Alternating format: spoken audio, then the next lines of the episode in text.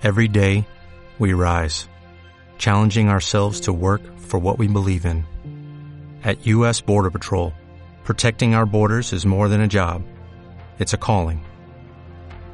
Agents answer the call, working together to keep our country and communities safe. If you're ready for a new mission, join U.S. Border Patrol and go beyond. Learn more at cbp.gov/careers. Molt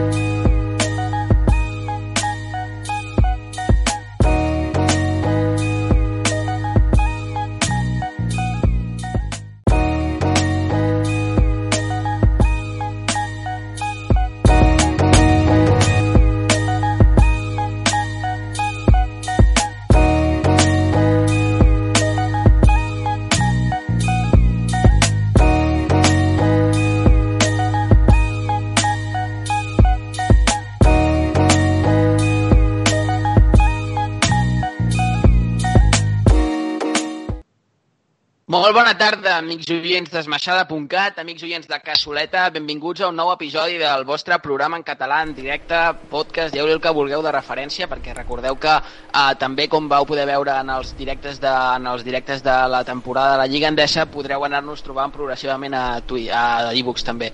Uh, M'acompanyen avui els de sempre, que són l'Eduard Roselló i uh, Nil, i com que tenim moltes coses per parlar, m'estalvio introduccions, m'estalvio benvingudes i us dic directament, Edu, Nil, que us presenteu a l'audiència i comencem ja amb el bàsquet. Molt bona tarda, una vegada més aquí, amb moltes ganes de comentar tota l'actualitat, eh, tot el temes de fitxatges i tal, i esperant, desitjant aquest inici de l'NBA, aviam com, com es procedeix. Bona tarda. Jo el que tinc ganes ja quasi és de l'ACB un altre cop. Amb tots aquests fitxatges donen ganes de, de que comenci ja la temporada 2021. Sí, la veritat és que els fitxatges de la CB i de l'Eurolliga en general estan sent realment espectaculars. Tindrem temps de parlar detingudament sobre cada moviment i sobre l'estat de diversos equips que estan muntant plantilles realment emocionants. El que hem de fer ara és uh, presentar el quintet inicial de notícies de temes d'avui, però abans de tot també us hem de comentar un parell de coses. La primera, és, uh, ja tenim el Patreon disponible, ja us ho vam avisar la setmana passada, però és que ja hem penjat el primer article, que és un article d'anàlisi dels Dallas Mavericks, de l'atac dels Dallas Mavericks. Si us interessa, us podeu subscriure, uh, hi ha tres, hi ha tres nivells i tindreu més contingut al llarg d'aquesta setmana i de fet ja de totes, perquè hi haurà uh, pròximament, a veure si faig memòria, pels del tier de 8, un article de les promeses de l'NCAA i després pels del tier de 5 venen Edu dos articles que toquen a tu, que són el Fenerbahce Posto Obradovic i l'altre ara mateix m'has agafat i no, no recordo no recordo què era. és el, és el de Scott Etherton és l'anàlisi ah, de Scott Etherton correcte. I després de també ve Manresa.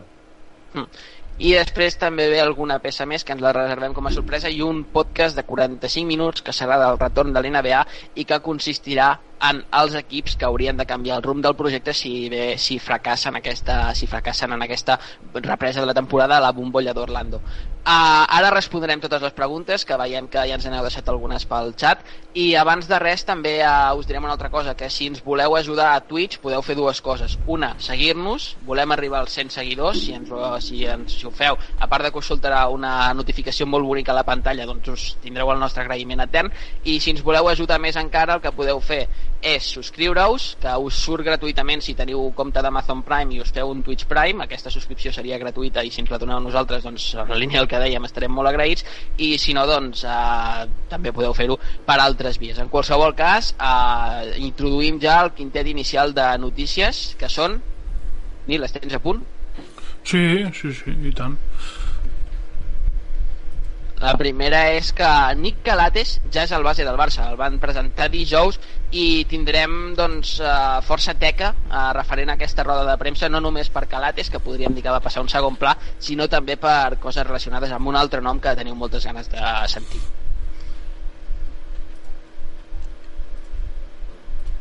El Joventut tanca la plantilla 2021 sembla que després de que també tenim tec aquí perquè sembla des de, després que el Gran Canària hagi igualat l'oferta per Wiley uh, crec que la penya haurà de fer algun moviment en el joc interior i crec que també ho, ho anirem comentant al llarg del programa.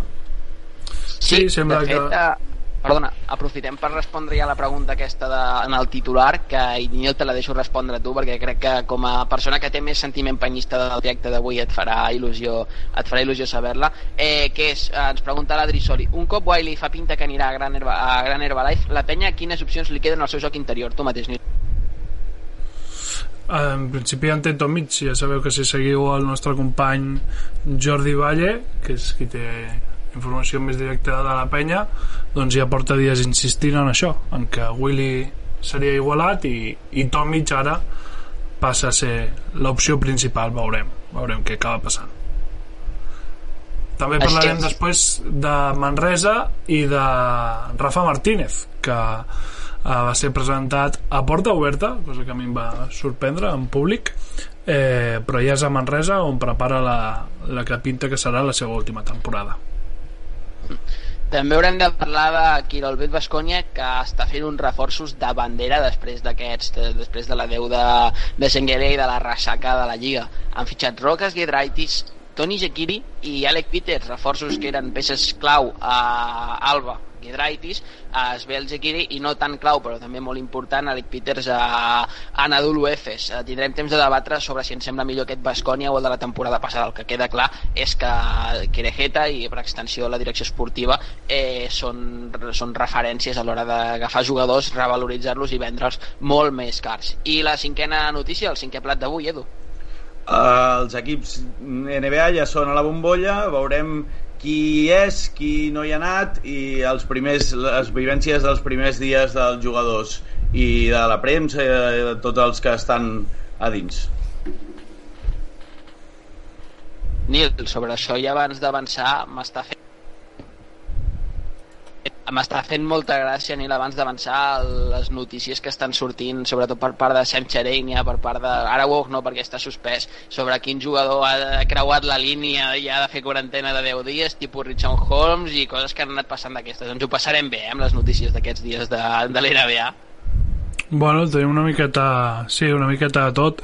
Aviam també què passa amb Russell Westbrook, que no sé si aquesta notícia fa, fa tanta gràcia, però també Westbrook uh, esperem que pugui començar no? que, que no es perdi cap partit uh, que és una baixa, seria una baixa important per Rockets Sí, certament frustrant la notícia sobre Russell Westbrook i introduïm ja el tema de debat d'avui i l'introduïm de la millor manera possible, que serà responent a les preguntes que ens està fent la Guijarro. Hem de parlar de Pau Gasol, tindrem temps de parlar de Pau Gasol, però aprofito el fil de les preguntes de, de la Guijarro, com dic, per respondre, per respondre enllaçant-vos també a un article que hem publicat avui a Esmaixada, que ha tingut molt bona rebuda sobre els pivots de l'NCAA i de l'Eurolliga i de la Lliga Endesa que podrien servir per el Barça i eh, directament us pregunto, nois, he proposat a Henry Ellenson, que ha estat a cavall entre la G-League, els Pistons i els Nets, a, a Isaiah Hartenstein, que ahir justament sonava rumors, però ell mateix ha desmentit, el, ha desmentit la notícia de, de que no vindrà al Barça,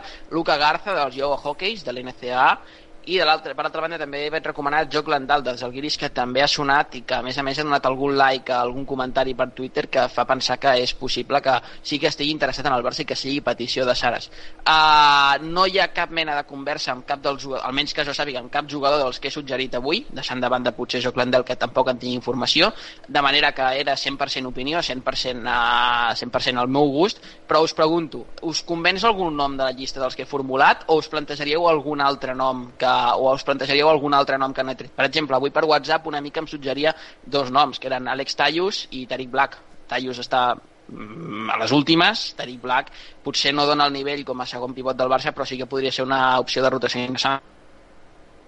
I també ho podria ser, jo crec que dels, dels que més està sonant, eh, amb un rendiment més immediat i amb menys eh, minuts però més veterania, podria ser Aion, que bé comentaves a l'article, o si no em començaria també l'Andal, que és un, seria ja uh, un projecte de més... Uh, és un pivot jove i crec que seria més un projecte de més mig uh, llarg termini, però sí que és sí que pot donar aquest rendiment immediat també, així que jo em decantaria per aquests dos, tot i que no sé, no sé quin moviment farà el Barça, tot i que el, el tema de l'Andal sí que ajuda que eh, Saras hagi sigut el seu entrenador aquesta temporada als Alguiris.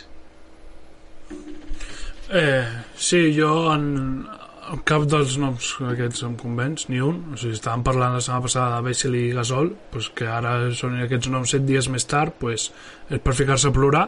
Uh, això de primeres. I de segones no entenc, l'únic que em quadraria una mica és a Ion, perquè entenc que el Barça no està ara per agafar un jove que vingui, s'adapti, per molt que l'hagi entrenat eh, Jackie Vicius, eh, que vingui, s'adapti i, i triomfi, no? i rendeixi immediatament, quan sabem que això costa, costa molt, i ha costat fins i tot a grans jugadors, per tant entenc que aquest Barça ha d'anar ja a guanyar, eh, no té marge, eh, no té anys eh, de crèdit per molt que vingui Jackie Vicius i entenc llavors que el pivot ha de ser de, de rendiment immediat un bon suplent de, de Davis i, i aquí m'encaixa més a Ion que és més veterà, ja coneix la lliga uh, etc. Totes les altres opcions de NCA, uh, rebutjats de la NBA que haurien de venir aquí, adaptar-se a Europa, tot això, a mi m'encaixa molt menys, personalment. A mi també m'agrada l'opció de Gustavo Ayón, que m'havia oblidat de mencionar-la perquè estava pensant en algun altre nom que no em venia al cap en qualsevol cas. M'he frustrat una mica en aquesta circunstància y ens diu la Guijarro que el caso de los pivots del Barça va para largo. Yo creo que no tendrían que haber soltado a Tomic tan pronto. Eh, sí, és possible que és possible que segurament doncs, el, eh, ja la, existeix la possibilitat, més ben dit, de que el pivot que vingui no millori el rendiment immediat de Tomic, també llaçant una mica amb el que comentava el Nil d'un pivot de rendiment immediat que hauria de venir, però també és cert, Edu, que al cap i a la fi el motiu pel qual el Barça es desprèn de Tomic és perquè ho demana Saras, pel que s'ha pogut saber, i perquè mm. Saras vol un pivot de característiques que siguin l'antítesi d'Ante Tomic de manera que és normal que s'estigui explorant el mercat buscant alguna altra opció i que possiblement doncs, eh, Sara, si no troba un pivot, opti per reforçar alguna altra posició i pujar, per exemple, a pujar, per exemple, al mateix, el mateix Pierre Oriola a la posició de 5, de manera que hauríem d'estar molt atents a aquesta circumstància. De totes maneres, eh, et formulo una pregunta, Edu, i així ja ens entrem, ja entrem directament en la, ja entrem directament en la, el tema de Pau Gasol. Tots d'aquests noms, d'aquests noms que he citat, quants et sembla que portarien més que un Pau Gasol en plenitud? Ja anem fent boques. Ostres, en plenitud, en plenitud, perdona, de, en plenitud de, de, de paràmetres Cap. en plenitud Cap. de paràmetres realistes, eh? vull dir, bé, bé físicament. Cap. Mm, segurament cap, clar. En, en una plenitud física, en Pau té més qualitat que, que, que tots aquests, però clar, és, el tema de la plenitud física és el que veig més complicat. I més veient el seu historial i amb el, amb el, amb el tema de, de Vesely també mm, hi ha aquesta reticència pe, pel seu historial dels genolls i totes aquestes temporades que s'ha passat en blanc. I crec que són, és un fitxatge que ha de ser eh, el màxim de acurat possible perquè et doni tot el rendiment i el, una temporada amb tants partits no sé si eh, es pot, pot, ho pot suportar aquesta càrrega de partits. Ens En, pregunten, ple, Nil, en si... plenitud Equeu física cap, però és que coix, Pau Gasol coix eh, també és millor que el 90% de la llista, eh? Nil, ens pregunten si Ekpeudo ja no és una opció pel Barça. Bé, Ekpeudo arrossega una lesió, té a més a més una oferta per fer la Gili, ai, fer la, Gili, la, fer la Lliga d'estiu o la Lliga de tardor en aquest cas amb els Golden State Warriors. No sé com ho veus tu, però tampoc Ekpeudo és ara mateix el perfil que més fiabilitat aporti al Barça. Fa la sensació que s'està jugant una mica amb, s'està jugant una mica amb foc en aquest sentit. No estan sonant molts noms que per X o per Y eh, no, no et semblen d'entrada els més sòlids per completar una rotació. És així, o bé pel nivell, com en el cas, per exemple, de l'Andal, o bé per la- o bé per l'estat físic en el que arriben.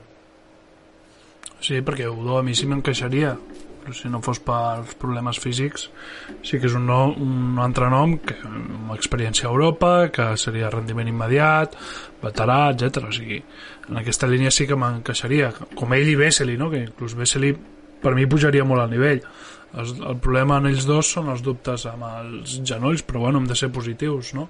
Està clar que Gasol, pues, aquest dubte eh, queda per sota el sentiment o les ganes que tenim de veure'l amb la samarreta del Barça i en els altres dos pues, està més present no? però mm, jo me la jugaria més això a un tio que, bueno, si ha de jugar menys perquè està tocat, doncs que jugui menys, però que sàpigues que és un valor segur, a un jovenet.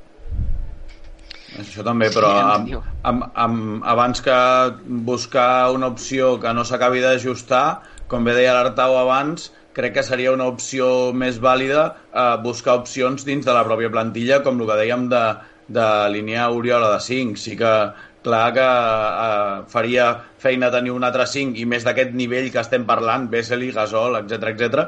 però si no es pot arribar a algú d'aquest nivell i s'ha de fitxar algú que no mm, que es tingui dubtes de si ha de donar la talla, abans és millor eh, moure el que ja tens que saps que et, que et pot funcionar. O quedar-te a Postoboi. És que jo abans que alguns d'aquests nous em quedo a Postoboi. I l'anava molt bé fins que ha sortit el nom de Bustoboy. No, ho sento, jo no te'l...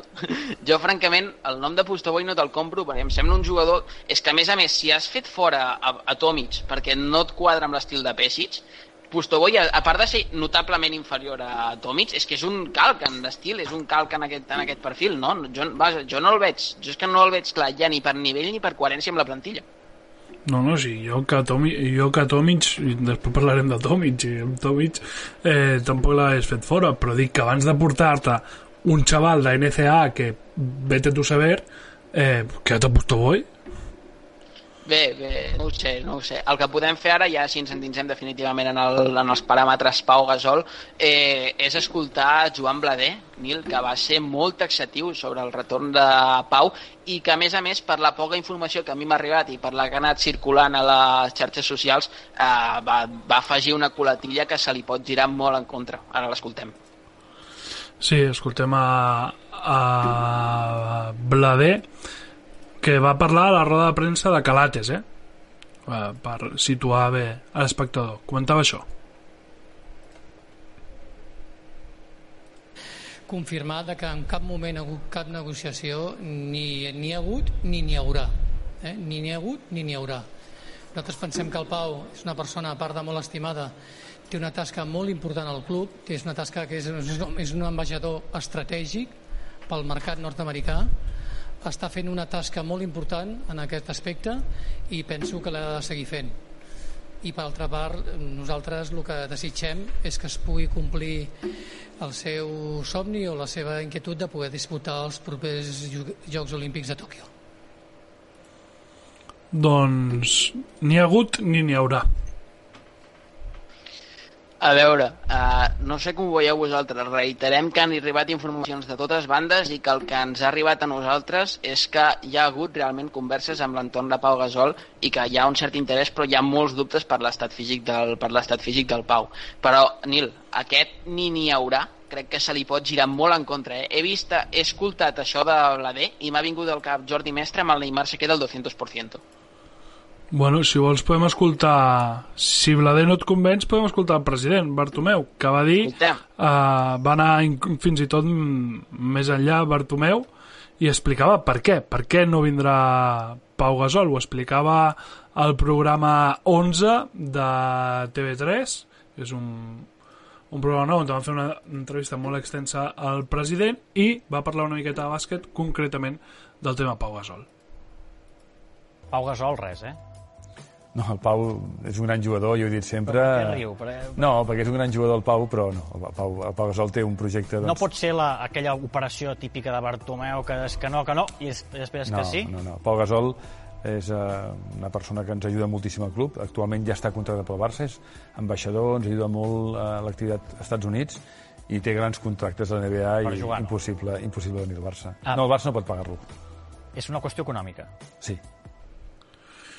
Clar, quan diu el Barça no pot pagar-lo, és una qüestió econòmica, entenc que llavors han parlat de xifres, no?, amb ell. I han ficat xifres sobre la taula, o simplement el dona per perdut perquè perquè entén que no podran igualar mai els diners de la NBA.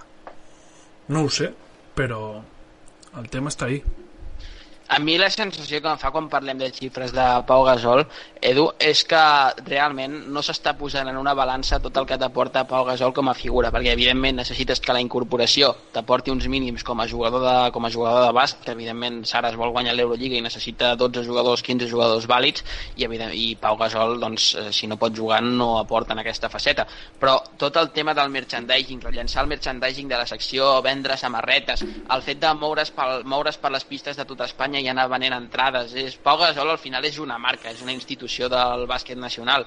Eh, em sembla que a nivell econòmic seria molt difícil que la, i a més a més havent-hi l'aportació d'un tità com Nike al darrere que, que el fitxatge de Pau Gasol no fos un èxit no sé si rotund però prou clar sí Sí, tota aquesta experiència que pot aportar dins de la plantilla, no? que al final eh, els últims dos, tres equips en, per, de l'NBA per als quals ha passat ja l'han fitxat més per això que per, per els minuts que ha pogut estar a la pista a Milwaukee i tal. Vull dir que al final ell, han buscat en Gasol algú que, que assessorés a jugadors més joves, que ajudés a l'equip i que pogués eh, tenir una altra faceta, una faceta de veterà eh, i el que tu dius, eh, aquí seria, eh, seria una, un rellançament eh, espectacular com a figura, la marca Gasol arreu és, és coneguda, llavors jo crec que amb el tema merchandising segurament es podria, es podria cobrir el fitxatge. Doncs si no us convenç, encara tampoc eh, tenim un últim tall, directament Pau Gasol, que va parlar per les seves xarxes socials, pels que encara eh, no s'ho creguin, això és el que deia Pau Gasol de si ell pot fitxar pel Barça o no. darme mi recuperación y poder tener la oportunidad y darme la oportunidad de hacer todo lo que esté en mi mano, ¿no? Al menos eh, para darme tener esa oportunidad de jugar en algún equipo la temporada que viene. Una vez pues eh, pues el pie esté recuperado y pueda volver a, a, a disfrutar de jugar en la, en la pista, pues eh, veré cómo estoy, ¿no? Y veré cómo todo responde. Primer recuperar-se i després pensar en quin equip el necessita o pot ser important. A mi m'estranya per això que no s'hagi recuperat encara, eh? Porta ja aquesta lesió, mm. l'està arrastrant des de fa molt de temps.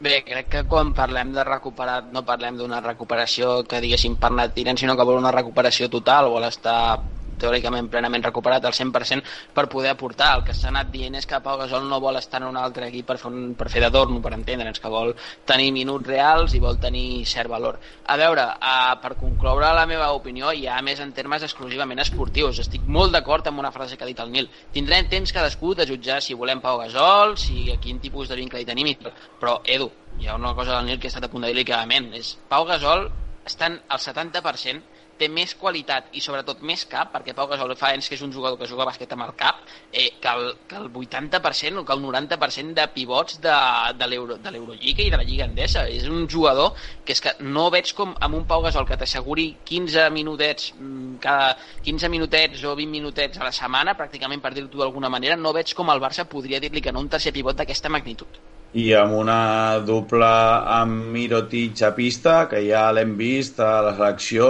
a, als Bulls, a, al final són jugadors que ja es coneixen, que ja saben com funcionen i, i seria tot molt més fàcil. És que Pau Gasol en la seva carrera mai ha molestat, mai ha restat a l'equip. Hi ha gent que pensa que el seu estat físic, que en defensa, que seria s'adaptaria s'adaptaria i sabria llegir eh, la situació i saber com és més útil a l'equip. N'estic segur que mai molestaria dir, perquè també hi havia gent que es ficava les mans al cap de com podia tornar Pau Gasol que ja està acabat, que no sé què. Hòstia, és que Pau Gasol acabat jo crec que sabrà entendre en tot moment el seu rol i el seu objectiu, que és arribar als jocs en plena forma eh, per poder ser útil per la selecció. Per tant, si estem parlant que pot ser útil a uns jocs o que el seu objectiu és ser útil a uns Jocs Olímpics, haurà de ser útil abans en l'equip on te jugui és absolutament com dius, des del meu punt de vista a Pau Gasol seria a més a més també un retorn al, al citava Mirotic, és que no hem d'oblidar que s'han anat Ante Tomic, que era un dels grans amics de Nico al vestuari blaugrana, i que si arriba, Ante, si, si arriba Pau Gasol seria una nova figura que tant a nivell d'ascendència, el que digui Pau Gasol certament va a missa, és un jugador amb el qual han crescut diversos dels, diversos dels que ara mateix estan a la plantilla del Barça, jugadors com Abrina, sense anar més lluny. Uh, el Barça necessita una nova figura que porti certa autoritat per entendre'ns o certa, o cert, certa confiança, certa fermesa a l'equip i aquest jugador ha passat molts anys guanyant. Des del meu punt de vista seria un reforç uh, absolutament uh, crucial a nivell de vestuari i a pista per poc que estigués ja seria també positiu. Edu, ens pregunta el Carlos, Carlos RM245, que em sembla que sí qui és, pel Twitter. Uh, diu, Jordan Miki, creieu que té nivell com a pivot suplent del Barça? Tu mateix, va. Sí, he vist la pregunta abans i, i m'ho estava preguntant eh, mentre la llegia. La veritat és que a mi no em sembla, no em sembla no per nivell, sinó per estil de joc, un pivot suplent pel Barça. Eh, no crec que, que encaixés eh, tant com el que necessita ara mateix el Barça. A mi se'm fa, sincerament, un crom una mica massa repetit amb Brandon Davis. No sé com ho veus tu. Sí, però el que havia de fer és el que vol Saras, no? Estàvem parlant ara que no volia un Tomic, no volia un tio eh, to de, de qualitat, de més qualitat, sinó de més brega, i físic, bueno, a mi no em semblaria malament, eh? A part, eh, crec que, que coneix eh, Europa ja, no ha sortit gaire bé al Madrid, no? La seva temporada no és que et faci donar gaires esperances, Eh, però bueno, de, mira, veus, de tota aquesta llista l'afegiria a la llista dels bueno, no em semblaria malament. Bé saber-ho, el que podem fer ara és tancar la carpeta Pau Gasol, ja n'hem estat parlant molta estona, a no ser que vosaltres, eh, Edu Nil, us dono re, uns segons o algú del xat tingui alguna pregunta més a fer sobre el tema. Jo crec que per mi ho podem tancar. El que estic bastant d'acord amb el que diu la Guijarro. Al final jo crec que eh, hi ha hagut tanteig, eh, sap, hi ha hagut algú, però de moment estan les coses molt parades i qui no et diu que esperen un parell de mesos a veure com va, segueix la recuperació per, per veure si el fitxen o no. Eh, tocarà esperar. Exacte. Fins que no comenci la competició i Pau digui que està recuperat, res. Els pròxims mesos ja ens podem oblidar de Gasol. Hmm. I no cal descartar que s'incorporés a mitja temporada o una cosa així. Hmm. Ah, si en el Madrid està Felipe Reyes, ¿por qué en el Barça no puede estar Pau? Però no cobra el mateix. Segons els... Sí, segons els directius per temes econòmics. Però, Nil, anem a caure el mateix oblidant una cosa. Pau Gasol, eh, una, Pau Gasol està en, en el 60-70% també ja és millor que Felipe Reyes. Sí, sí, però per, pel rol residual, mega residual que té Reyes ja al Madrid, no pots gastar-te el dineral que el Pau Gasol rebaixant-se el sou el que s'hagi de rebaixar però serà molt més car així és, així és. I el que podem fer ara és centrar-nos ja en la resta de moviments del Barça, que bé, doncs aquesta temporada eh, està tornant a ser un mercat força agressiu i Nil, dèiem, Uh, tot el que s'estava dient sobre Pau Gasol, excepte les declaracions de Pau Gasol, s'havia dit a la presentació de Nick Caleices, segons ell mateix, es pronuncia així perquè ell és greco-americà i el nom, és, el nom es pronuncia, el cognom almenys, perdó, en americà. Uh, què us va semblar la presentació de Caleices? Des del meu punt de vista, uh, molt descafeinada, clarament centrada cap a un altre nom i bé, una mica amb aquesta mania tan lletja que hi ha a vegades al Barça del fet de no gaudir del moment i centrar-se més en altres coses. A mi bé, em va semblar molt, molt més freda del que mereixeria un jugador de l'entitat de Calates. Fa la sensació que a nivell de fitxatge sembla que estem un pèl mal acostumats. Sí, molt desvirtuada, no? O sigui, era el dia de Calates i, o Caleices, perdó, i es va convertir en una altra cosa. Crec que s'havia d'haver centrat més les coses en eh, acabem de fitxar una superestrella. Sí, però és normal, eh, jo crec. Cap titular va sortir seu i vosaltres què volíeu saber d'ell, també? És a dir, no va poder ser-hi aquesta roda de premsa però realment haguéssim preguntat per ell. Nosaltres com a com a aficionats barra periodistes, el que tu vulguis no ens interessava el que ens pogués explicar sobre un tio que parlava en anglès, que no van fer la roda de premsa en, en espanyol, que per això tampoc va sortir cap tall de veu seu ni res. pues, vale, ve un base que sabem que és boníssim, portar el 99, que és la mm, notícia més destacada del que sabem d'ell, i no ens interessava saber mm, que l'Ate si estava content, si estava feliç bueno, va, va sortir va resultar curiós el que va comentar de Jackie Sevicius no? que va dir que al principi l'odiava al principi de la seva carrera que l'esbroncava molt eh, però que per ell ara és un honor jugar sota les seves ordres però vaja, hem, es eso, estoy muy feliz y estoy muy contento, el sueño de mi vida. Eh, i ho hem sentit a totes les presentacions. El que interessava, en aquell moment encara no teníem tanta informació, era el Pau Gasol que a sobre estava en el seu punt màxim d'ebullició, jo crec que és normal que no, que no li prestéssim tanta atenció. Sí, jo no sé tu, Edu, com ho vas veure, però tant a les fotos prèvies a la presentació com a l'arribada que se'l va gravar i tal, Calaites, Calaites em va... Se'm farà estrany ara dir-li sí. jo li tornaré a dir Calates, Calates ben aviat. Eh, es va, em va transmetre una sensació de parsimònia, una calma que ja era com molt similar, no l'havia vist massa fora de la pista, però molt similar a la que et transmeten a, en una pista de bàsquet. I a més també em va cridar l'atenció una altra cosa que és la seva construcció física. No se'l veu un jugador musculat, eh, se'l veu un, més aviat té constitució de persona normal i corrent. No sé, em va, em va transmetre aquesta sensació de barreja de simpatia, de calma, no sé, va un, una, un estil diferent del que veiem en la majoria de jugadors de bàsquet. Sobretot a les imatges de les proves físiques que se'l va veure en algun moment sense la mascareta, eh, se'l veia feliç, no? Se'l veia feliç a fer un pas endavant a la seva carrera i ell sap que aquí tindrà més opcions l'any vinent d'aixecar l'Eurolliga de les que ha tingut els últims anys. Llavors, eh, eh, ell està molt feliç. I un altre detall important, Nil, de la presentació de Calades, que ho mencionàvem a l'article que vam publicar, aquesta negociació el Barça feia molt temps que la tenia tancada, però és que ha estat una negociació doblement difícil, perquè has negociat amb Olimpia, has negociat amb Panathinaikos, no has negociat amb Panathinaikos, perdó, has hagut de amb el, de negociar amb el jugador, però és que a més l'has hagut de convèncer que no anés a Olympiacos i a més a més has hagut de lluitar contra un factor com una marca que volia irrompre en el futur d'Olimpiakos com era Under Armour, que patrocina Nicolates i que ara, ara està una mica incerta la seva col·laboració amb, amb, amb, amb, amb l'equip grec i bé, doncs eh, t'hagués posat en un contratemps molt perillós veient com està el panorama dels bases a Europa ara mateix. Sí, sobretot perquè ja havies fet ja t'havies després de de Delaney i bueno, el tema Pangos mm, no hi ha sigut en tot l'any no? llavors tenies un, una urgència aquí uh, per tant la feina és, és bona no? perquè és el que tu dius si no arribes a tancar un base de primeres uh, t'estaríem com en el pivot amb noms super randoms uh, sense experiència i, i el de Calates si estem dient de rendiment in, immediat i, i un seguro Calates és el, el top que hi havia al mercat a Europa uh, sens dubte Hmm. Uh, dues coses. Edu, una, et poso deures, mira'm quants extracomunitaris té el Barça, jo diria que és un, i diria que és Brandon Davis, però no em feu massa cas, no sé si ja té passaport. I dues, uh, des on ja se sabe algo? Uh, no, des d'on hi ara mateix se sap que fins que no, que, fins que no estiguin eliminats els Portland Trail Blazers no se sabrà res més. El que sí que et podem assegurar, a fons ens ho ha dit Esmaixada, és que ja estaria disposat a renunciar a l'opció de jugador que té a, que té a Portland, que per fiscalitat, doncs, uh, si en un hipotètic contracte amb el Barça li sortirà més, més beneficiós firmar a Europa que firmar als Estats Units.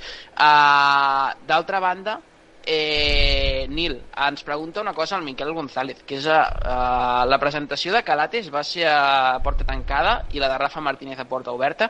Rafa Martínez, no sé si va ser a porta oberta. Ara, jo diria que no, vaig veure premsa segur, però no vaig arribar a veure...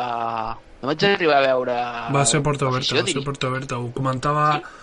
ho comentava abans que va ser al Congost, van obrir les grades, va poder entrar la gent amb la mascareta pertinent i, i mantenint la distància de seguretat, és a dir, no podien seure en seients consecutius, eh, però sí, va entrar a públic. Sí, doncs, perdó, i sí, ens comenta el Carlos que és... Eh, ai, el Carlos, perdó. Uh, la Guijarro que és uh, Higgins, és veritat, perdó. Brandon Davis és ugandès, cert. No, és ugandès, té passaport ugandès. Devia anar i recollir el gos o una cosa així, vés a saber. Correcte, uh, l'únic qualsevol... extracomunitari de plantilla ara mateix és Corey Higgins. Sí, sí, és Corey Higgins, és Corey Higgins, m'he fet un embolic. I diu, tornant al pivot, Greg Monroe crec que seria un gran fitxatge. No sé com ho veus tu, eh, Nil, però a mi Greg Monroe se'n fa massa estil Tomic i si ja li van dir que no Tomic portant Monroe, que a més té d'una competitivitat dubtosa, seria perillós. Sí, eh, perquè no, no ha demostrat mai ser, ser dur, no? ser útil, ser, tenir aquesta experiència eh, a mi se'm quedaria és un jugador que a la NBA pues, eh, sí que ha demostrat molt de talent però bueno, l'adaptació aquí a Europa no ha sigut la desitjada segurament eh, i és un, un nom la redundància que té més nom que no pas rendiment ens diu ara l'Esquila que, que Greg Monroe està lligat amb el Zenit. Sí que hi havia ni aquestes informacions, encara no és oficial, però podria ser que, que se n'anés amb el Xavi a Sant Petersburg. Sí, i seria un fitxatge, a més a més, a Xavi, al Xavi Pasqual sí que li agraden aquest tipus de pivots, ja ho vam veure amb Tomic, eh, li agradaria molt tenir Monroe a les seves ordres. Uh, Mira, enllaço la pregunta que et fa la Guijarro també amb l'altre amb amb nom que hem de mencionar abans de passar a parlar d'un jugador de la Pedrera, eh, que és el tema, eh, diu, yo buscaría un perfil Dorsey que defienda bien, no hace falta un pivot que anote porque ya tenemos eh, muchos jugadores anotadores. Eh, mm, bé, havíem, havíem dit el més similar a, el més similar a, a, a aquest perfil que tu dius és Tariq Black, te'l citàvem abans a nivell mitjanament anecdòtic, Sí, però a mi em sembla que aquest jugador tampoc és el perfil que, que busca Saras, perquè el Barça i al final ja té una plantilla molt versàtil en defensa i diversos jugadors que en moments determinats podrien fer-se càrrec d'assignacions eh, desiguals. Uh, en qualsevol cas, passem al cas Vesely. Nil, com tenim ara mateix el cas Vesely? Eh, fa finta, fa la sensació que, tot i que arriben fonts de diverses, diverses informacions, des de, des de Turquia la informació és que se queda ja sabem que el se queda a Barcelona té un, un significat particular. Sí, se queda o si més no, el que es pot entendre és se paga. Eh? Això de que Vesely eh, buscaria la seva sortida, eh, negociaria amb el club per cada lliure, tal, pues, ni de conya, si ho voleu, ho pagueu el que toca i si no, pues per mi. I cosa completament normal perquè, ho hem dit, eh, tot i les eh, lesions que, que ha tingut que no l'han permès estar al màxim nivell per mi Vesely és l'opció número 1 la número 1, hauria de ser la número 1 i, i és un, un seguro. Uh, per tant pues això, jo més que se queda uh, acabaria amb un se paga. I el Barça si vol ha de fluixar sabent els problemes econòmics que té que no pot assolir molts fitxatges jo també ho veig totalment així. També hi havia hagut rumors de la sortida de Color i s'ha confirmat que els dos continuarien la temporada que ve, però jo crec que és amb, aquest, eh, amb aquesta visió de si el vols treure d'aquí, eh, això val uns diners i aquí has de, has de pagar perquè aquest jugador encara té contracte. Llavors, eh, entenc que o es paga o el jugador força la sortida, però jo això ja ho veig més difícil. Sí, Uh, i, I un altre nom que ha sonat, uh, ens preguntava el, ens preguntava la Quijarro també, per cert, abans d'avançar, ¿cuáles serían vuestras opciones para el puesto de pivot sin contar Vesely? Bé, jo la meva, la cito, la meva seria posar Pierre Oriola de 5, ho sento, seré molt pesat amb això al llarg de tota la temporada perquè ja ho era també la temporada passada i fitxar un Henry Ellenson un perfil d'aquests que al Nil li fan poca gràcia a més tu Henry Ellenson que ja el coneixes Nil. Va fer un partidàs amb vosaltres ara que hi penso. Sí, sí, sí Henry Ellenson un enorme jugador en partits de la brossa Henry Ellenson és un meló per obrir. Un xaval jove que s'ha intentat buscar les, les castanyes a la NBA i a la G-League ha fet bons números a la G-League però que el que sonava ahir a l'Alemany aquest el Heinstein també havia fet números brutals quasi un 30-15 sembla que era 28-13 o 28-14 a la G-League mm, o sigui, la G-League és una lliga que em dona zero confiança zero que un tio faci bons números allà. I Henry Ellenson ha fet bons números a la G-League i algun partit de la brossa quan els equips ja no jugaven res en NBA no ho sé. Tio, un americà que arribi a Europa hi ha hagut molts americans que han vingut a Europa i els dos mesos han dit esto no és per a mi me'n torno. El Barça no pot basar el seu segon pivot en un tio així. Per mi, eh? Per mi el Barça eh, pot ser un tercer, que el provis, però són perfils que busquen equips de la, de la zona mitja no? hòstia, me la jugo amb aquest tio aviam si em surt bé i em dona un salt de qualitat el Barça ha de fitxar un seguro de vida i més aquest Barça que estem dient que ha de guanyar títols la temporada que ve sí o sí hmm. estic totalment d'acord perdona sí, sí, perdona, perdona. que estic, dic que estic d'acord que el fitxatge a, a dia d'avui hauria de ser Vesely. Si no es pot, pues es busca una altra opció, però ha de ser un, un jugador contrastat. Completament d'acord amb el Molt ràpid molt ràpid, abans d'avançar, reconem amb un sí o amb un no. Uh, creieu que Vesely serà el pivot del Barça la temporada vinent? Edu? Mm, I et contesto amb un tant de bo. Jo crec que sí, i la raó molt ràpida perquè és l'últim any de Bartomeu i es deixarà el que faci falta i que pagui el que faci falta, però tant el futbol com el bàsquet ha de guanyar per, per ser recordat per alguna cosa més yeah. que per Clar, però, però, però perdoneu un moment, Vesely i Gasol, això sí que no, no? O com ho veieu? Jo crec que si, jo crec que... si es fiquen a tir, sí, sí. els dos. I és Sònia, també. Eh, calés, aquí, collons. Ja vindrà la, la Junta Nova i dirà que és que m'ho han deixat fet un desastre, que els comptes surten negatius, que no sé què, el que tu vulguis, però amb Euroliga i Champions, i ja està si és que s'arriba, eh? I de fet, ja hem vist el, ja hem, ja hem vist el futbol, els moviments amb la, amb la totpoderosa incorporació de Gustavo Maya. Bé, avancem i centrem-nos ja en els, en els noms més interessants. Abans direm que uh, Sergi Martínez té mitja en paraula d'una sessió amb Burgos, una sessió que a més a més ja fa un parell de temporades que pulula per allà, que el Barça fins ara s'hi havia negat, hi havia hagut uh, interès d'equips de l'Eport i bé, doncs ara sembla que ja sí perquè el jugador bàsicament vol marxar, necessita jugar minuts minuts a la, necessita jugar minuts a la màxima categoria. Uh, nois, parlem de la penya i crec que hi ha un nom que el tenim tots al cap, no ens n'anem gaire lluny de Barcelona, que és el nom Dante Tomic. Jacob Wiley seguirà, tenint, uh, seguirà sent part, almenys a nivell de drets, de Gran Canària. Teòricament hauria de ser pivot de Gran Canària la temporada vinent. I ara només queda una opció. Tots els camins porten a Croàcia. Uh, com veieu el tema de Tomic i la, de Tomic i la penya? Creieu que Tomic serà el pivot i atenció perquè és un reforç molt bèstia del joventut de Badalona la temporada vinent?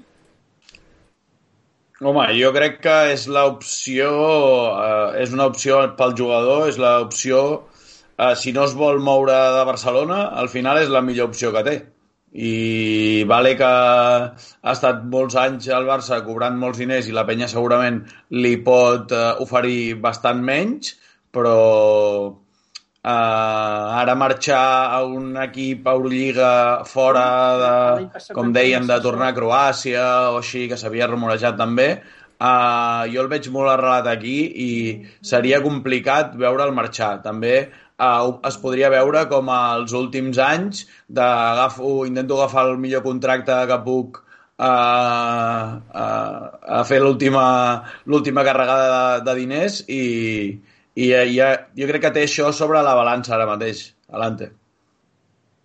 Sí, però no, no sembla, no sembla que, perquè ens han arribat en principi ofertes, li han arribat ofertes del Zenit que parlàvem abans, mm. amb Xavi Pasqual per tant mm. sembla que buscarà més el confort i per aquí les opcions de, de la penya eh, a mi el que em sorprèn i parlant abans de la coherència que, que comentava l'Artau amb el tema Barça, aquesta setmana també hem pogut escoltar Jordi Martí el director esportiu de la penya rac que explicava el motiu dels dos anys que li havien ofert a Whaley, no? que era un, un jugador que podia jugar per sobre l'anella, paraules de Jordi Martí, eh? que podia jugar per sobre l'anella, que els ajudaria a, a molts generadors que tenia la penya, com podien ser Bassas, el propi Ribas, i que bueno, era un pivot que havien estudiat, que portaven tot l'any eh, i que els hi encaixava perfectament.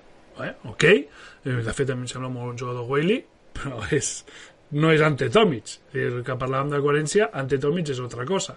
Eh, no li demanis volar per sobre del, dels cèrculs, no li demanis una gran intimidació i esforç defensiu, sí que t'aportarà eh, punts al pal baix, eh, serà un generador més eh, des de la posició de, de pivot. A mi em recorda més una mica a Marco Todorovic, en millor, en bo, o en més bo, perquè a mi m'agrada Marco Todorovic, crec que, que feia molta feina, i a Carles Duran li va anar molt bé, amb Todorovic li va treure molt bon rendiment, per tant crec que encara explotaria molt més a Tomic. Però el dubte que em crea és això, o sigui, de Willy a Tomic estem parlant d'una cosa o una altra completament diferent. Els dos són brutals, brutals, d'un nivell altíssim, tots dos, eh, a Europa i per una penya que jugarà a Eurocup pues són els dos eh, dels millors pivots de la competició d'Eurocup segurament però són diferents, són completament diferents. Per tant, és l'únic dubte o cosa estranya que veig en aquesta planificació jo he de dir dues coses. La primera és que vingui qui vingui, que serà Tomic si és algú dels dos, entre Wiley i Tomic, em semblen dos jugadors bestials i dos jugadors que a la penya li trauria un rèdit brutal. Jacob Wiley és pura energia, és un jugador superintens, és un jugador molt... és un, és un jugador exuberant, és un jugador poderós, un jugador que corre, un jugador poderós, vaja i Ante Tomic que és un jugador que crec que pel que pesa més, Edu, no sé com ho veus tu, pel tema de, diu el Nil, la coherència, no hi ha coherència entre el fil argumental de portar Wiley i portar Tomic. Bé, no hi ha coherència, però digue'm una cosa, ets la penya, ets Gran Canària, ets un equip d'aquests, si se't planteja l'oportunitat de portar un jugador titular en un equip Eurolliga, com no el portes? Sí, sí, sí clar, clar, és, és impensable deixar, no, no considerar l'opció, això és impensable per un, per un equip d'aquest perfil, totalment d'acord. Sí, jo, jo portaria Tomic, eh, abans que Whaley, crec que té rendiment immediat, millor Tomic que, que no Whaley. Eh, que potser si un dia si se li ha de firmar 5 anys, però li firmava abans a Whaley, no? Però jo vaig a firmar un any perquè em succeeix la probabilitat Tomic és brutal, o sigui, i a Penya se li fica a tir, no el pot deixar passar, estem d'acord, però era per buscar el punt, el contrapunt, no?, a, a, a aquestes paraules que el propi Jordi Martí explicava. I hi ha una cosa més, que és que eh, Tomic, i això ho desconec, eh? això ens hauria d'explicar el company Jordi Valle, seguiu-lo Twitter si no, si no el seguiu, és un crac, uh, però no m'estranyaria ni l'Edu que el contracte de Tomic amb la penya, tenint en compte que el jugador no vol marxar de Barcelona i que és el que pesa més en la seva decisió contractual, tant per l'educació de les filles com per l'estabilitat matrimonial, uh, fos per més d'una temporada. Parlem de dos, tres temporades i al final en ser un perfil més nòmada, més itinerant, Jacob Way, un jugador que és no arribarem a dir mercenari, però ja ens entenem, uh, doncs potser sí que aquesta estabilitat te la porta, te la porta ante Tomic. És a dir, potser aquí tens un pivot per tres temporades que evidentment anirà decaient, ja està decaient, però que segueix tenint molta classe i que a més a més et dona doncs, uh, nucli de plantilla per temps. El que està clar és que en, la, en el moment de la carrera que està l'Ante necessita també un contracte així, algú que li garantitzi per almenys dos o tres temporades. Potser aquí està la nota discordant, no? De que la penya no vol jugar-se-la perquè seria bastant, bastants diners eh, eh, compromesos i Tomic vol això, vol assegurar-se anys. No ho sé, eh, totalment. Opinió. De moment tots els fitxatges que han arribat han arribat per dos o tres anys eh, i a Whaley, fins on sabem li havien ofert dos anys també de contracte. Eh, per tant imagino que com a mínim els dos anys sí que els podria ficar la penya sobre la taula. Dues coses, eh, reiterava al principi del, de l'episodi, però veig que cada vegada som més per aquí, estem batent rècords, no sé, Edu, si, no, no sé si vaig molt ara, però em sembla que estem tenint una mitjana altíssima avui pel que teníem habitualment. Més de 40 seguidors, sí, sí. Més de 40 eh, espectadors. Seguiu-nos, eh, ens fareu un favor si ens seguiu, i també si voleu us podeu subscriure amb Twitch Prime us sortirà gratuït sempre que tingueu el servei d'Amazon Prime.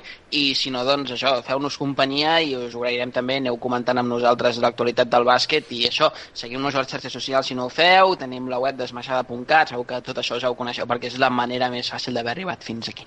Uh, en qualsevol cas, abandonem tema, tema antitòmic que ja tindrem temps per debatre'n més endavant, i tanquem carpetes. Hem tancat la carpeta Wiley indirectament, serà jugador de Gran Canària, i també hem de tancar la carpeta Nicola Provitola perquè Nilsson se'n va el Nico a Panathinaikos.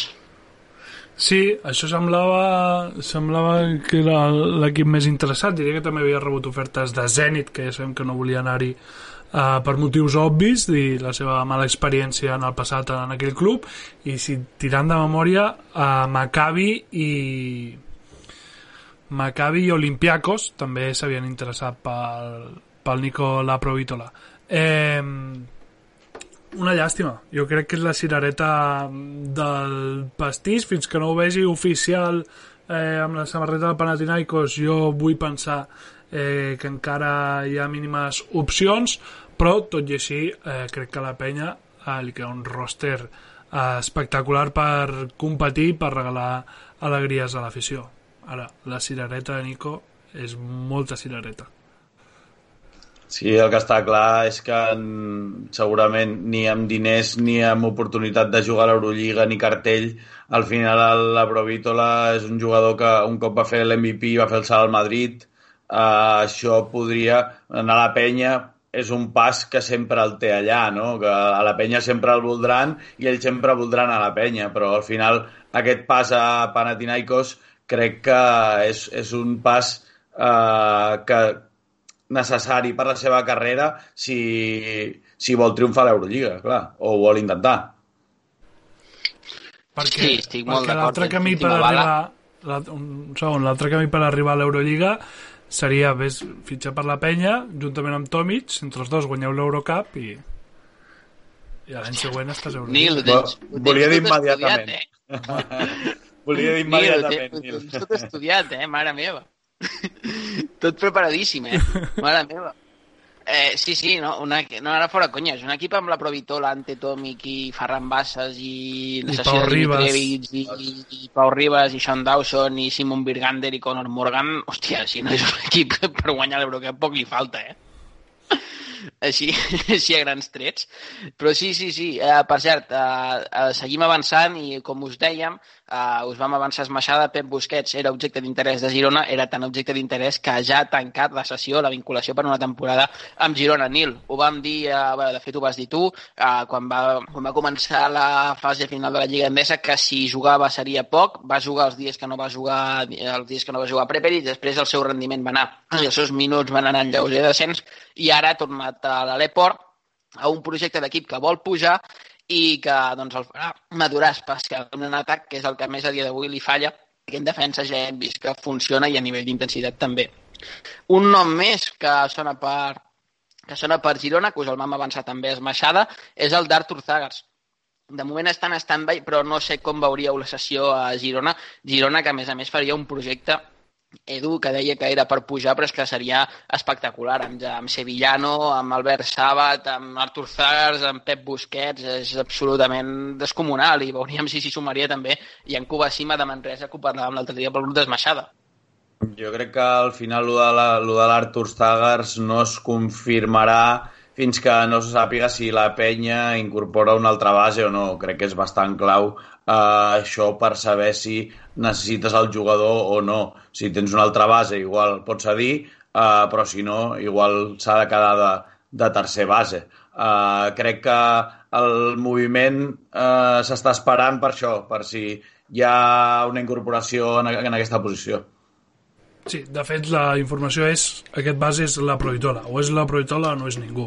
És a dir, la penya no està buscant un base, tornem a, el que parlàvem abans, si, si et surt l'oportunitat de fitxar la Proitola no li pots dir que no, per tant d'aquí venien els rumors de sessió a Zagas, però en principi si no, Zagas sí que compta per la primera plantilla, igual que compta Busquets, Artau, que un petit detall, que el cedeixen però renovant-lo, estava en l'últim any de contracte, el renoven abans i ho explicava Jordi Martí, si vols el podem escoltar, uh, per què aquesta sessió i renovació de Pep Busquets.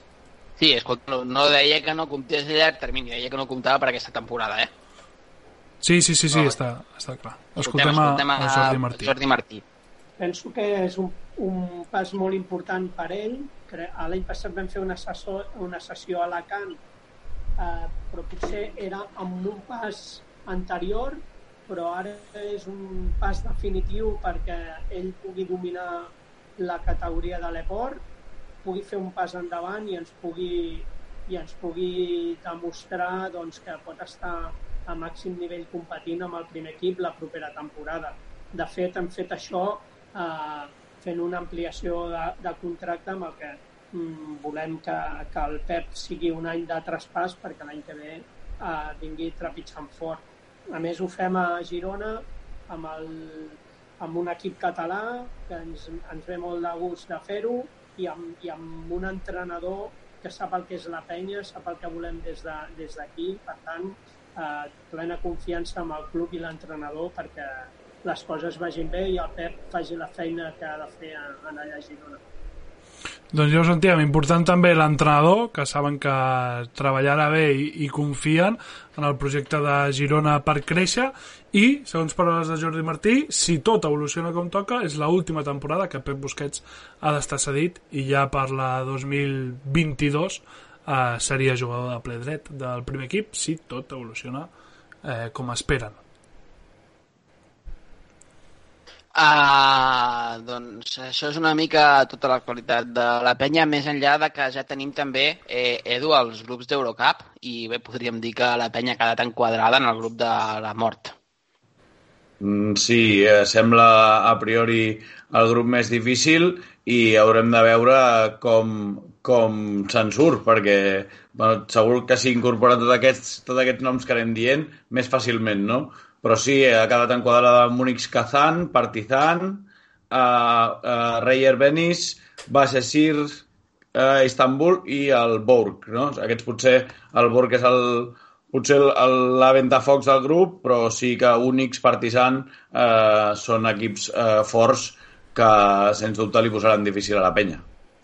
Sí, Únics, Partizan i, i Venècia, que va, mm. uh, que va sortir. Aquests eren els, els bombos, el que esteu veient aquí uh, sí, uh mhm. -huh. els bombos i l'avantatge la, per acabar de completar el que comentàveu um, és que en principi el top 16 serà més assequible és a dir, sabeu que aquests grups de 6 passen 4 i uh -huh. en principi la penya sí que hauria d'estar entre aquests 4 i això provocaria que el top 16 et creuessis amb gent d'altres grups en principi més assequible per exemple l'Unicaja que li ha tocat un grup més eh, amable ara al principi doncs el top 16 a priori sí que s'emportaria algun dels cocos per tant sempre mirant el cantó positiu si la penya no passa eh, gaires patiments per passar aquesta primera fase, a la segona es podria veure beneficiat. I després el grup C també comentar que és el, és el grup on ha caigut l'Andorra, eh, que també ho tindrà complicat perquè s'enfrontarà el, Loco, Locomotive Cuban, el Virtus de Bologna, Liet Cabelis, Mónaco i Antwerp. Així que Liet Cabelis i Antwerp eh, eh, eren rivals de, de Manresa l'any passat i que i, i possiblement siguin els, els més fluixos d'aquest grup, però clar, a, a la Virtus i el Loco són, són equips molt forts que van a per totes a, per aquesta competició. A mi el que em va fer certa gràcia, Nil, és la sort que va tenir Unicaja, el grup més assequible de tots, eh? És una flor, van tenir els de Luis Casimiro al·lucinant. Mm, ara ho comentava. Uh, bé, avancem i centrem-nos ja en el retorn més emocionant, crec, de la temporada. I qui millor per explicar aquest retorn que el tall de premsa que tenim preparat. Nil, endavant amb Rafa Martínez. Sí, escoltem a, a Rafa Martínez, que eh, l'escoltarem explicant um, l'oferta que rebutjava, perquè no només havia rebut l'oferta de Manresa, sinó que ell havia pogut decidir on volia jugar, oferta d'Unicaja de Màlaga ho explica ell el per què eh, no va voler acceptar aquesta oferta de, de l'equip andalús.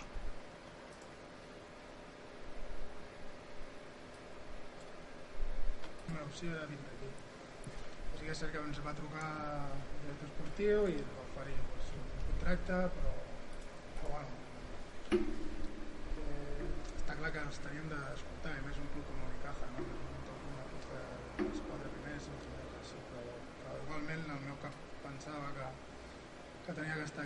i em sentia que soc molt cabrós i em sentia doncs això, en principi, si veu Unicaja l'havia d'escoltar, tenia aquesta obligació, però pensant que podia ser uh, la seva última temporada, doncs preferia fer-la a casa. Eh, uh, vam parlar l'altre dia, seran minuts de molta qualitat els que porti Rafa Martínez al Baxi Manresa. Uh, la pregunta que et faig ara directament és, creus que serà l'última temporada del Rafa o tens aquesta sensació que tinc jo de que continua tenint molt bàsquet i que és possible que, mira, una temporadeta més, potser sí, potser sí, no? Esperem que sigui el Vince Carter eh, català i que pugui jugar moltes temporades més, però sí que és veritat que ell diu que aquesta és l'última, però sí que hi ha aquest això de que si arriba bé jo crec que aquesta amb el Bilbao ell també pensava que era l'última i ha arribat molt bé al final i s'ha vist amb ganes i amb empenta per seguir, no? I al final és, és com es vegi en el, en el moment de que s'acabi o que s'estigui acabant la temporada on, on ell veurà si, si seguir o no, però eh, òbviament a Esmaixada.cat sempre estarem encantats de veure el Rafa Martínez. Sí, i de, i de com la temporada que faci l'equip, no? Si té un rol important i l'equip lluita eh, bueno, lluita o treballa bé, ell s'hi troba còmode, eh, també segurament si, si és una temporada no tan dolenta l'equip, sinó també el seu nivell personal de no poder aportar o sumar el que pogués, pues deixaria, jo estic una mica en la línia de l'Edu. I una coseta més, eh, que és que el termòmetre principal que tinc per considerar que pot fer més temporades és aquesta oferta d'Unicaja de Màlaga. Unicaja, que és un equip que vol accedir a l'Eurolliga, no et truca per fer un Farewell Tour. Si el van trucar és perquè saben a dins de la Lliga Endesa que Rafa està potser no platòric, però sí en un molt bon estat i han estat a tenir minuts um, ultracompetitius. Uh, en qualsevol cas, us vaig fer la pregunta la, temporada, la setmana passada, us la torno a fer ara. Uh, com veieu el projecte del Baxi Manresa? A mi, reitero que a mi em dona molt bones vibracions. Sí, estic d'acord, estic d'acord. Els fitxatges estan sent uh, molt coherents amb el, amb el que crec que planteja el Pedro i, i uh, aviam si se sap alguna cosa. També l'altre dia comentàvem al grup que, que podrien estar buscant un, un segon base.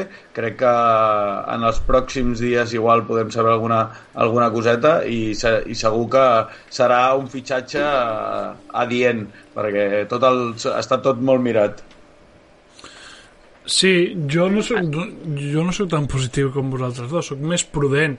La meva raó, i la repeteixo, és la, els molts canvis que ha tingut no? a, a l'equip a mi em fa ser més precavit en aviam com, com s'adapten totes aquestes noves peces en què algunes, eh, com el, el Rafa que parlàvem ara segurament necessiti zero adaptació eh, però clar, tots els altres noms per molt bona pinta que tinguin necessiten conèixer la Lliga, conèixer l'equip conèixer el Pedro eh, no, és, no és fàcil i, i no sé si tot això encaixarà a la primera o necessitarà un temps de maduració ens diu el, el Navarro Nieto si sabeu alguna cosa de Frankie Ferrari. No sembla que va donar un rendiment prou bo com, per ser, com perquè algun club ACB el considerés el seu fitxatge. Bé, eh, puc dir-te de fonts directes que hi ha clubs ACB que han considerat el seu fitxatge.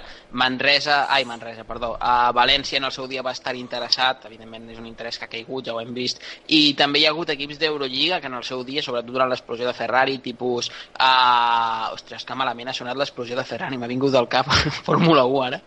No, no, no. Eh, durant els moments que va començar a jugar millor Frankie Ferrari, el Guiris, per exemple, també el va tantejar, li va trucar a la porta. És un jugador a nivell sobrat.